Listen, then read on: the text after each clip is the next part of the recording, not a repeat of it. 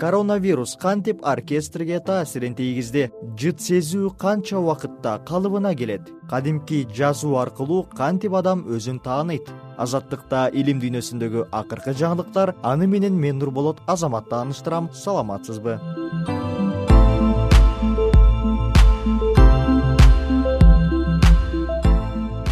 коронавирус жана музыка. Коронавирус баардык тармактарды өзгөрүүгө кептеди. Анын ичинде маданият тармагы да бар. Концерттик иш чаралар учурунда коронавирустун жайылуу ыктымалдуулугун азайтуу үчүн атайын изилдөө жүргүзүлдү. Ал изилдөөлөргө таянып ютанын симфониялык оркестри музыканттардын жана аспаптардын сахнадагы орундарын алмаштырышты. Натыйжада урма аспаптар фортепиано жана арфа сахнанын ортоңку бөлүгүнө жылдырылып ал эми баардык үйлөмө аспаптар сахнанын түпкү четтерине сахнадагы абаны алмаштырып турган түтүктөргө жакын жерге жылдырылды. Изилдөөчүлөр science advances илимий журналына жыйырма үчүнчү июнь күнү билдиришкендей маданий иш чаралар учурунда эшик терезелерди ачуудан тышкары музыканттарды мындай жайгаштыруу коронавирус илдетинин аба аркылуу жугуу ыктымалдуулугун кыйла азайтат. Себеби ырчылар сыяктуу эле үйлөмө аспаптарды аткаруу учурунда аны ойноп жаткан музыканттардын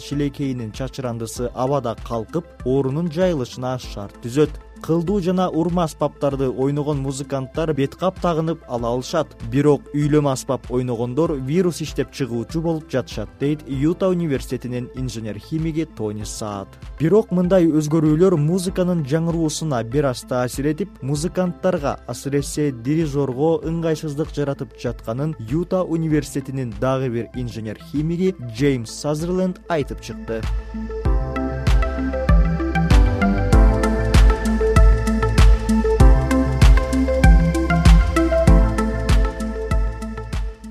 жыт сезүү кайра качан калыбына келет?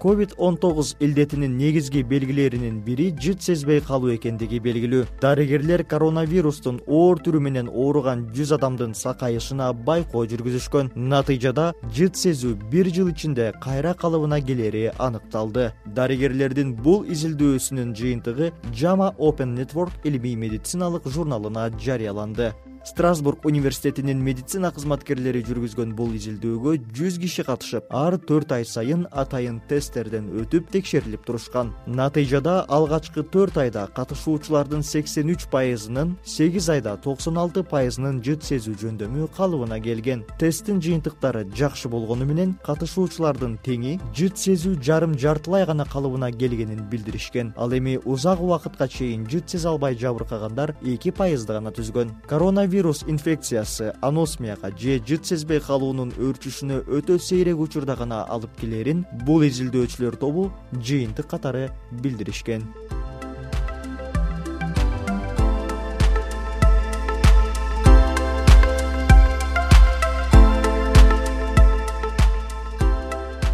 Өзүн өзү таанууга жардам берчү жазуунун үч түрү жазуунун адамдын психикалык абалына тийгизген оң таасири жөнүндө эки жүздөн ашуун изилдөө жүргүзүлгөн. Бул ирет окумуштуулар жазуу адамдын өзүн өзү таануусуна шарт түзөөрүн аныкташты. Ал эми өзүн өзү таануу адамга ишеним берип коюлган максаттарга ылайык туура чечим кабыл алууга жана башкаларды кабыл ала билүүгө жардам берет. Изилдөөчүлөр өзүн өзү таанууну жакшыртууга мүмкүнчүлүк берген үч жазуу ыкмасын белгилешкен. Алгачкысы экспрессивдик жазуу. Мындай жазуу терапевтик максатта колдонулат. Мында адамдар жашоосундагы оор учурларга байланып ойлорун сезимдерин жазышат. Мындай жазуу оор нерсени эмоционалдык жактан карап чыгууга шарт түзөт. Изилдөө көрсөткөндөй экспрессивдүү жазуу депрессиянын белгилерин жана жаман ойлорду азайтат. Окумуштуулар баалаган дагы бир жазуунун түрү рефлексивдүү жазуу.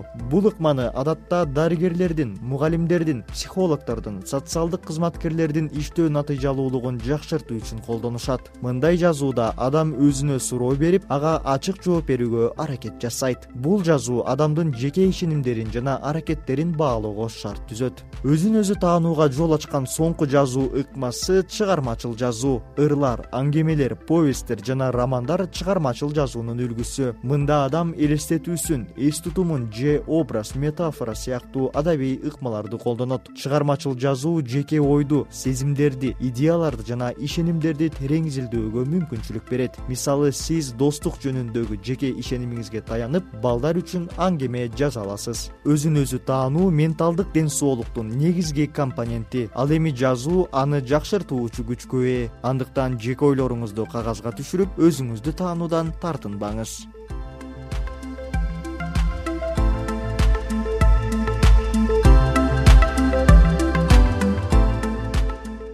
сиз илим дүйнөсүндөгү акыркы жаңылыктар менен тааныштыңыз. Даярдап алып барган мен нурболот азамат болдум. Саламатта калыңыз